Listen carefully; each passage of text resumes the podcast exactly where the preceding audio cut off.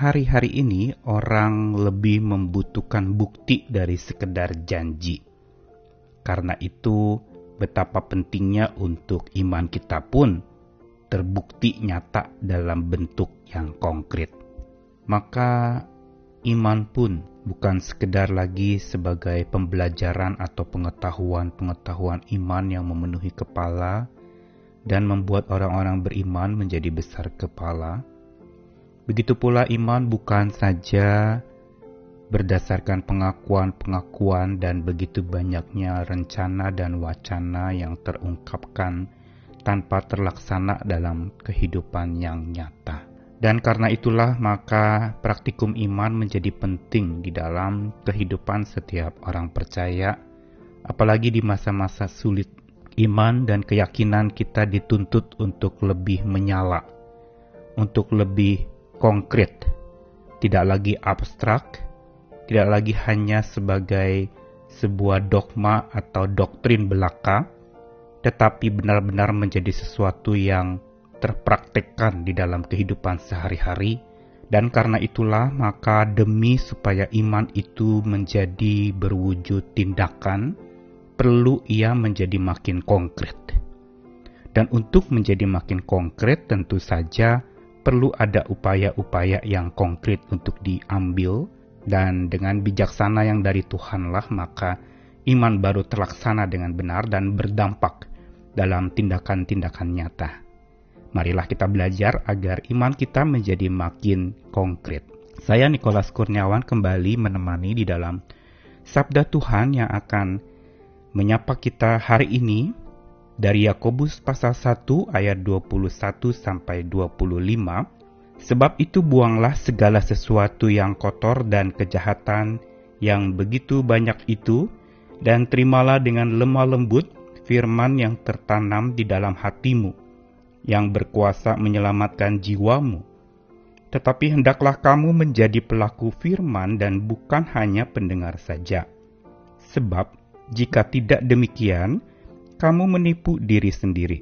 Sebab jika seorang hanya mendengar firman saja dan tidak melakukannya, ia adalah seumpama seorang yang sedang mengamat-amati mukanya yang sebenarnya di depan cermin Baru saja ia memandang dirinya, ia sudah pergi, atau ia segera lupa bagaimana rupanya. Tetapi barang siapa meneliti hukum yang sempurna, yaitu hukum yang memerdekakan orang, dan ia bertekun di dalamnya, jadi bukan hanya mendengar untuk melupakannya, tetapi sungguh-sungguh melakukannya, ia akan berbahagia oleh perbuatannya. Sebagaimana yang pernah saya katakan bahwa surat Yakobus adalah sebuah surat tuntutan iman yang lebih dalam dari sekedar pemahaman atau pengetahuan. Iman yang disajikan dalam pengajaran surat Yakobus adalah iman yang konkret dalam bentuk tindakan-tindakan etis yang diambil atau dilakukan serta tindakan-tindakan juga berkaitan dengan Uh, memandang muka atau berkaitan dengan perkataan, penggunaan lidah yang bijak, begitu juga sikap terhadap orang-orang dalam perbedaan strata sosial yang ada antara yang kaya dan yang miskin. Karena itu, surat Yakobus adalah sebuah surat yang memperkaya iman kita bukan secara pengetahuan, tetapi secara praktek nyata yang justru perlu diwujud nyatakan. Dan dalam bacaan ayat 21 sampai 25 jelas sekali Yakobus menasihatkan untuk supaya setiap orang itu bisa hidup di dalam kesucian, membuang segala sesuatu yang kotor dan jahat dan terima dengan lemah lembut firman yang tertanam dalam hati yang berkuasa menyelamatkan jiwa. Jelas sekali Yakobus selalu berpikir dan bahkan ungkapannya adalah bukan sekedar satu sisi saja. Kita memang perlu membuang segala yang jahat, segala yang kotor, tetapi ada langkah lanjutnya. Dan inilah cara berpikir Yakobus untuk selalu memberitahukan langkah lanjut dari sebuah pernyataan. Bila kita sudah buang segala yang kotor dan jahat, lalu apa? Langkah lanjutnya adalah terima dengan lemah lembut firman yang tertanam di dalam hati yang berkuasa menyelamatkan jiwa. Dan lebih tegas lagi dikatakan bahwa hendaklah kamu jadi pelaku firman dan bukan hanya pendengar saja. Sebab jika tidak demikian kamu menipu diri sendiri. Tegas sekali Yakobus mengatakan kalau kita hanya puas dengan mendengarkan firman, hanya puas dengan melihat tayangan-tayangan khotbah atau firman yang disajikan, tetapi tidak melakukannya, maka kita menjadi pembohong-pembohong terhadap diri sendiri. Yakobus tegas menegur setiap kita di masa-masa hari ini ketika yang dituntut dari kita bukan lagi sekedar pengakuan iman saya percaya kepada siapa apa saja yang saya percaya tetapi yang dituntut hari ini adalah sebuah tindakan konkret berupa kebaikan yang dialami dan diwujud nyatakan dalam tindakan terhadap sesama. Dan karena itu dikatakan bahwa jika seorang hanya dengar firman dan tidak melakukan, bukan saja menipu diri sendiri, tetapi juga sama seperti orang yang bercermin, tetapi hanya sebentar saja, lalu dia lupa bagaimana rupanya. Yakobus mengingatkan bahwa yang namanya iman itu berkaitan dengan bercermin. Karena itu inilah langkah yang Yakobus katakan bahwa iman makin konkret pertama-tama bila kita rutin introspeksi atau bercermin diri.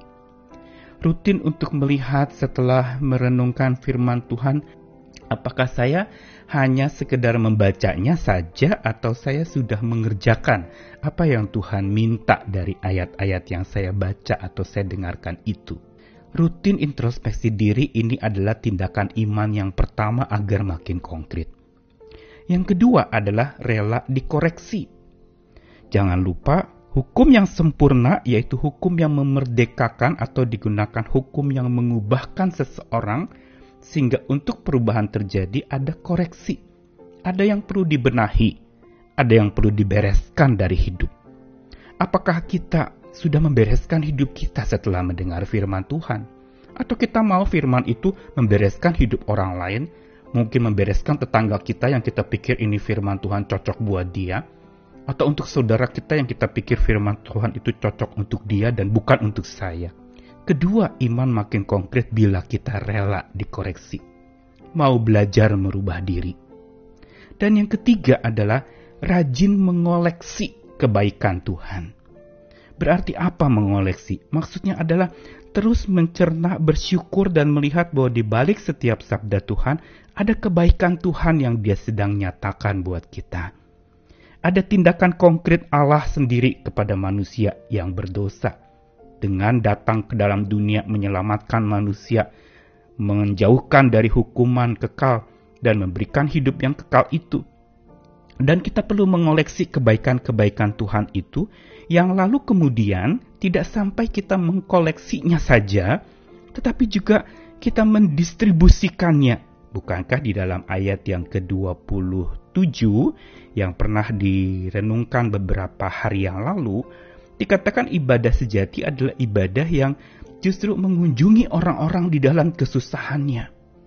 Berarti ketika kita sudah menerima kebaikan dari firman Tuhan, maka itu didistribusikan dalam bentuk tindakan konkret melayani orang lain, melayani sesama secara kreatif, secara inovatif, berarti kreatif gunakan segala macam cara. Tidak satu cara saja, Hari ini ada banyak persoalan, karena itu perlu banyak jalan keluar dan perlu banyak pelayanan yang kita perlu lakukan. Inovatif, lakukanlah terobosan-terobosan.